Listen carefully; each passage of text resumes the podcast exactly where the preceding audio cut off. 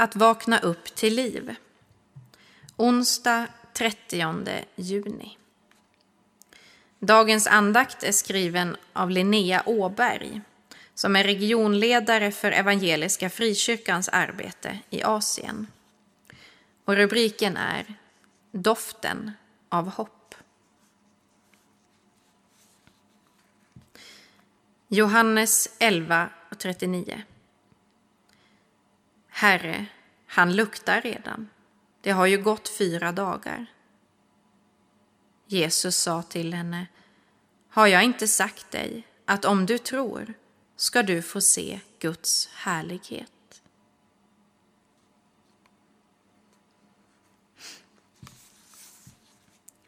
De gröna lummiga björkarna dansar i takt med den osynliga vinden.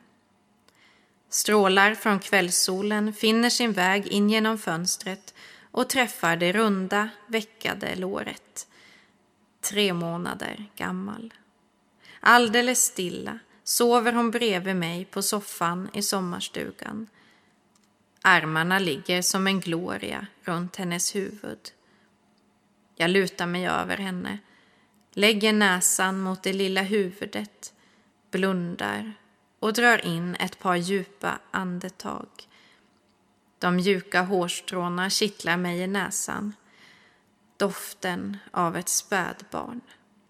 En doft som enligt forskarna frigör positiva endorfiner i min hjärna. Jag drar in doften i näsan igen. Doften av lycka. Men där och då, i vår sommarstuga i Sverige, påminns jag om doften av Indien.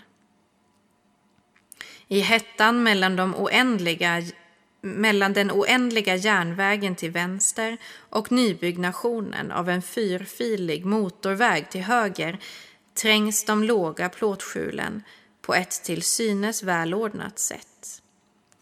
Slummens placering mellan räls och väg är en symbolisk beskrivning av var många av Indiens fattiga befinner sig. Mellan det koloniala brittiska väldet, som många gånger förtryckte och exploaterade, och den globala superkapitalismen. Den som gör att de ekonomiska klyftorna gräver sig djupare och människor värderas efter produktion och förtjänst. En kvinna står böjd över kastrullen med linsgryta som kokar på den öppna elden. Några tonårsflickor i färgglada kläder sitter på huk, plockar löss och flätar varandras hår. Ett gäng pojkar har hittat en skuggig plats där de spelar fotboll med en sliten tygboll bland plastflaskor, skräp och vildhundar. I myllret av människor pressar sig en framträdande odör fram. Det är en blandning av svett, smuts och nöd. Jag har lärt mig att känna igen den, vare sig den uppträder i Sydafrika, Mongoliet eller Thailand. Den luktar likadant överallt. Doften av fattigdom. Tankarna för mig vidare till Johannes evangeliet kapitel 11. Lazarus är död. Maria och Marta har väntat i flera dagar på att Jesus ska komma och så till slut gör han det. Hela fyra dagar har gått sedan Lazarus tog sitt sista andetag. Kanske om Jesus hade kommit i förrgår, eller till och med igår, då kanske ett under hade kunnat ske. Men nu? Begravningen har ägt rum och chocken har gett vika för sorgen. Den sorg som måste acceptera att det inte finns ett svar på frågan varför. Förruttnelseprocessen av broderns kropp har redan börjat och Marta känner dödens lukt i sin näsa. Men där, mitt i hopplöshetens svartaste avgrund, döden, kommer Jesus. Han som sörjer med den som saknar och vänder tårar till skratt. Han som var, är och kommer och vars doft är liv, seger och glädje. Jesus går fram och ropar Lazarus ut ur graven. En annan doft har trängt fram, doften av hopp. Hur lever jag med lycka utan att stänga fattigdomen ute? Kan jag känna fullkomlig glädje samtidigt som jag omfamnar djup nöd? Doftar spädbarnen i slummen lycka? Ja, jag tror det. Men inte vilken lycka som helst, utan en lycka som ropar fram hopp ur fattigdom. Vi ber. Jesus, du vet hur spädbarn doftar. Men du har också känt fattigdomens odör. Lär mig att glädjas över livet utan att vända bort blicken från slummen. Jesus, låt mig få dofta hopp var jag än befinner mig. Jag vill dofta som du, liv, seger och glädje. Amen.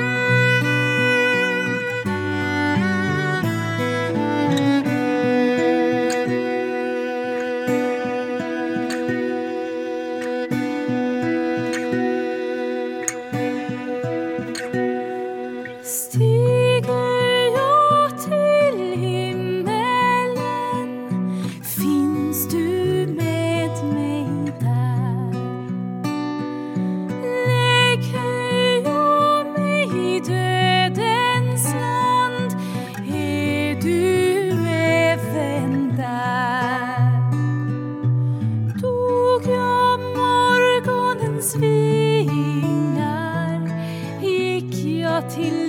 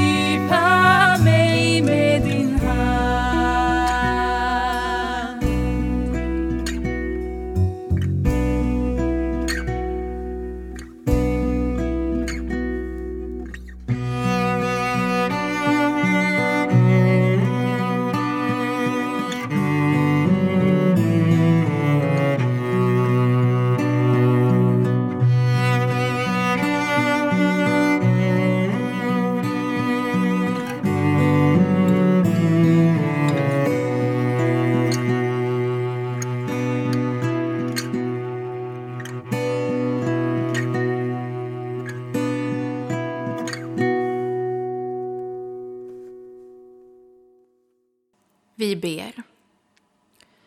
Vår Fader, du som är i himmelen. Låt ditt namn bli helgat. Låt ditt rike komma. Låt din vilja ske, på jorden så som i himmelen.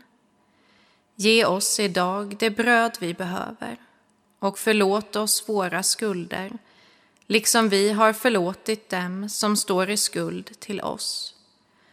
Och utsätt oss inte för prövning, utan rädda oss från det onda. Ditt är riket, din är makten och äran i evighet. Amen. Ta emot Guds välsignelse. Herren välsigne dig och bevare dig. Herren låter sitt ansikte lysa över dig och vara dig nådig. Herren vände sitt ansikte till dig och giver dig frid. I Faderns, i Sonens och i den helige Andens namn.